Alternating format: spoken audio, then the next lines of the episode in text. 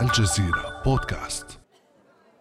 في صورة بروتوكولية بالأسود والأبيض تعود إلى عام 1934 جلس صف من الجنود وقد أسندوا أيديهم على ركبهم وقف خلفهم صف آخر أعلى رتبة. ارتدوا زيا أشبه بزي القوات البحرية الرسمي يتوسطهم رجل أصلع. متجهما مرتديا بدلة رسمية بيضاء. أخفت هذه الصورة وراءها الكثير. الصورة كانت لفريق المنتخب الإيطالي خلال كأس العالم آنذاك. أما الرجل ذو البدلة البيضاء فكان الزعيم الفاشيه بينيتو موسوليني الذي اعتدنا رؤية صوره باللباس العسكري. كانت هذه لحظات احتفال لموسوليني بفوز نظامه بكأس العالم. أما بالنسبة للاعبين فكانت احتفالا بميلاد جديد بعد أن خيرهم موسوليني بين الفوز أو الموت.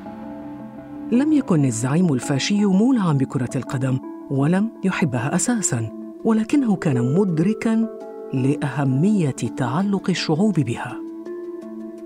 بعد أمس من الجزيره بودكاست أنا خديجة بن جنة.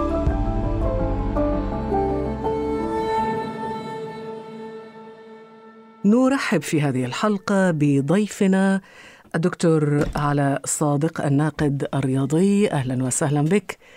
شرفتنا دكتور أهلا بك. أهلا بحضرتك صباح الرياضة اليوم. سعداء بحضرتك الله يخليك. موضوعنا جميل وشيق عن كرة القدم وتوظيفها في ملاعب السياسة. دكتور ما السر برأيك وراء هذا السحر لكرة القدم في جذب اهتمام الناس بها؟ أجمل ما في كرة القدم أنها تجمع الجميع فعلا في مستوى واحد. الملياردير والفقير جدا المعدم لديهما نفس الهدف أن يفوز فريقهما.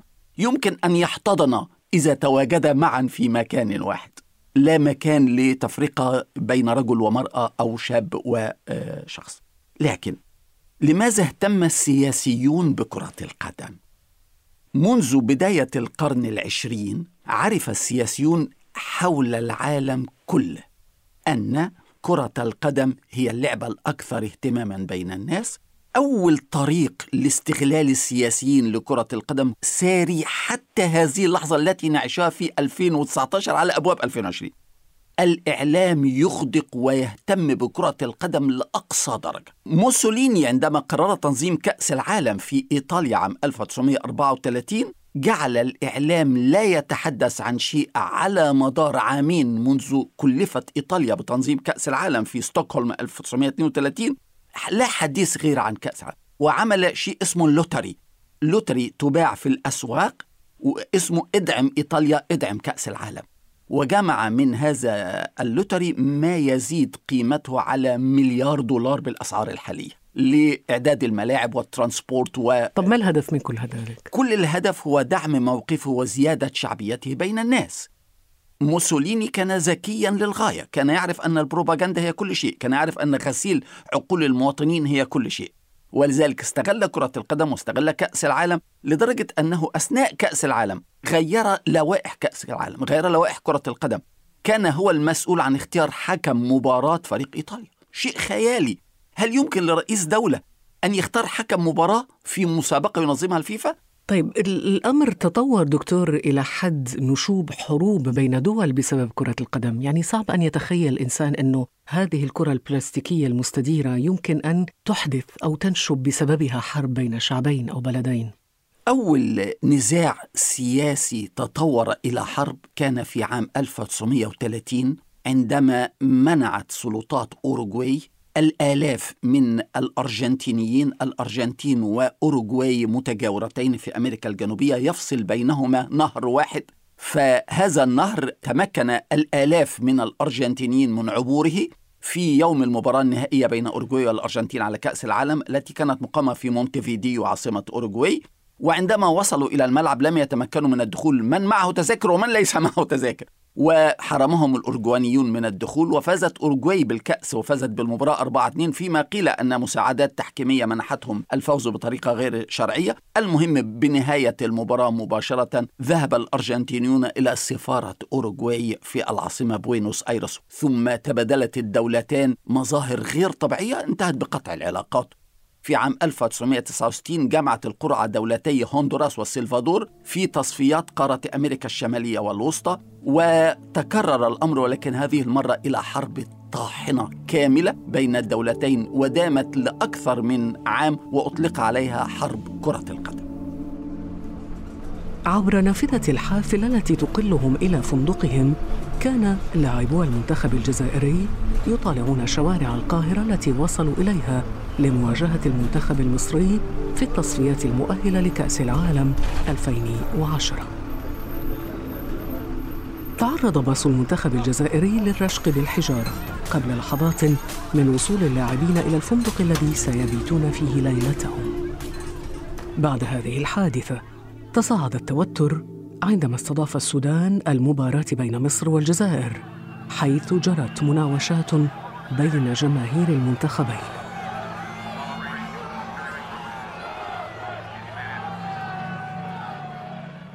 دكتور علاء صادق تتذكر هذا المشهد؟ كنت أحد شهوده وأحد ضحاياه شهوده أفهم لكن ضحاياه لماذا؟ أولا الحادثة دي سبقها بليلة واحدة كنا نعلم وصول منتخب الجزائر إلى القاهرة في اليوم التالي. بينما كان المسؤولين في اتحاد كرة القدم المصري بيخططوا مع عدد من المشجعين المشاغبين للذهاب إلى هناك لرشق الفريق بالحجرات كان الهدف إرهاق المنتخب الجزائري معنويا وبدنيا وكل شيء. القنوات المصرية كانت قد بدأت عملية الشحن بشكل بالغ القسوة. وللأسف وصفوا الشعب الجزائري بصفات غير لائقة على الإطلاق بين العرب وبين المسلمين وتصاعدت الأمور بشكل خيالي لا يمكن تصديقه حتى وصلت إلى توتر سياسي ضخم جدا جدا جدا لكن سؤال آه، دكتور على صادق إنه هل فعلا يمكن استغلال هكذا تحميس وتسخين للجماهير من أجل تحقيق هدف سياسي؟ إيه، مصر لم تتأهل لكأس العالم منذ عام 1990 وتأهل مصر لكأس العالم يعطي الجميع فرحة طاغية كأنهم كلهم كسبوا المليارات. الشعب المصري شعب بسيط جدا مجنون بكرة القدم. فكان التأهل لكأس العالم 2010 بعد تلك المباراة مع الجزائر هو حلم المصريين.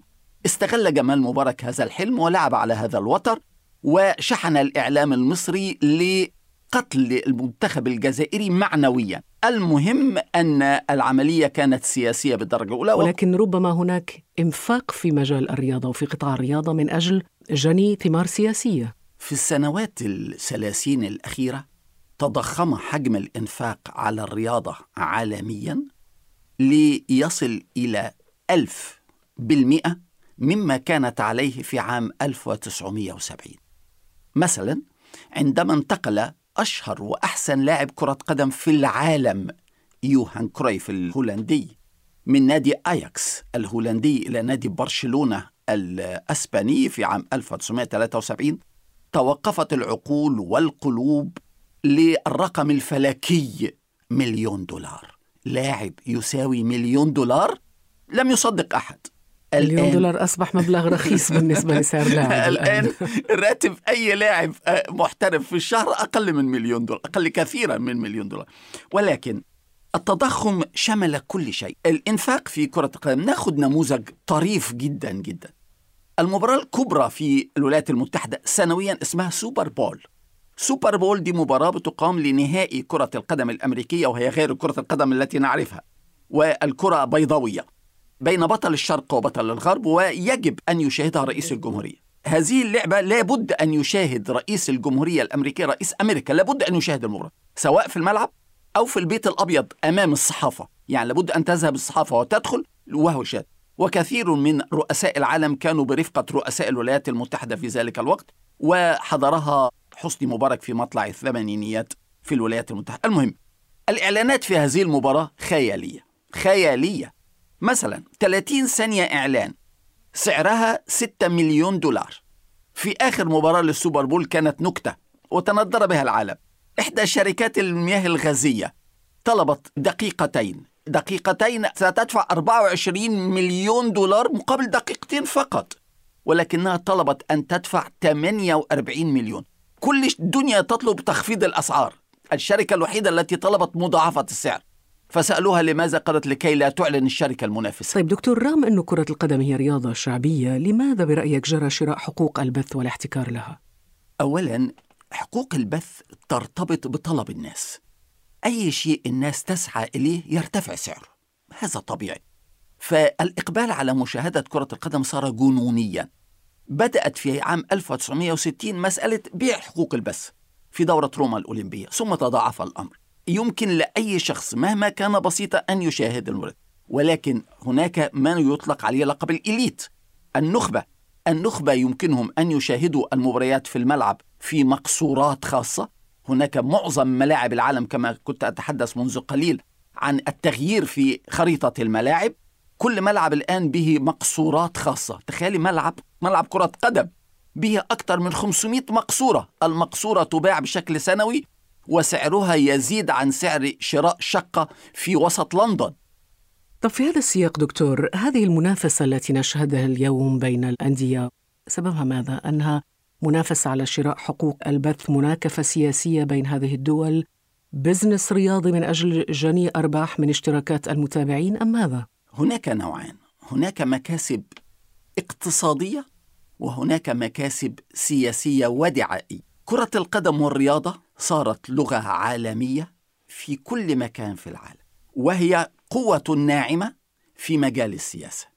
عندما تسعى beIN Sport لبث كل شيء رياضيا يهتم به الناس فهي قوة ناعمة عملاقة لصالح قطر تماما كما قناة الجزيرة في السياسة وفي الأخبار العامة. ولكن هناك جانب اقتصادي كبير جدا جدا جدا. فإذا تمكنت من الانفراد بإذاعة حدث كبير يهتم به الناس يمكن مثلا من تحقيق أرباح تزيد بنسبة 200% على السعر.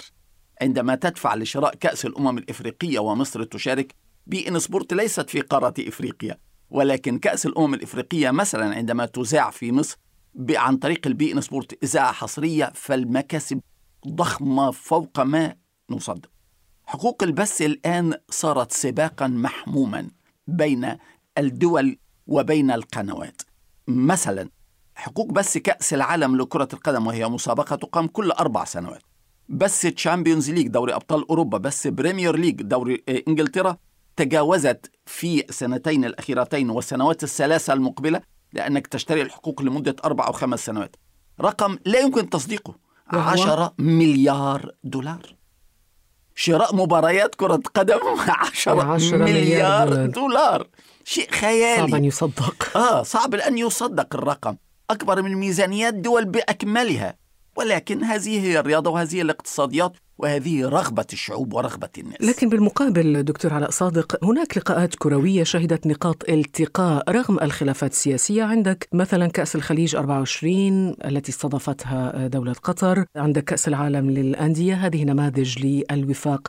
هل يمكن للرياضة أن تصلح ما أفسدته السياسة؟ أولا ما قدمته كأس الخليج 24 كان خياليا في الحفاوة. إن شاء الله ما سيحدث من مصالحة ستكون تلك البطولة الكروية هي الطريق الممهد للمصالحة. ولكن الحقيقة أن قطر وكرة القدم تعاونا في بدء المصالحة مبكرا قبل ثلاثة أشهر.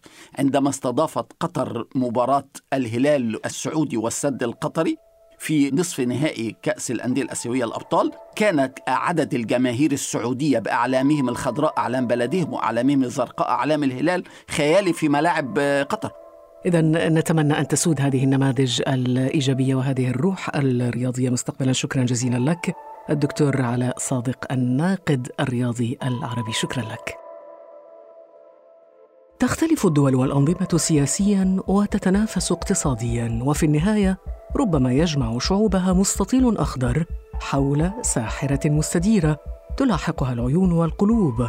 يدفع جمهورها ضريبته من مشاعر الحزن على الخسارة أو الفرح بالفوز.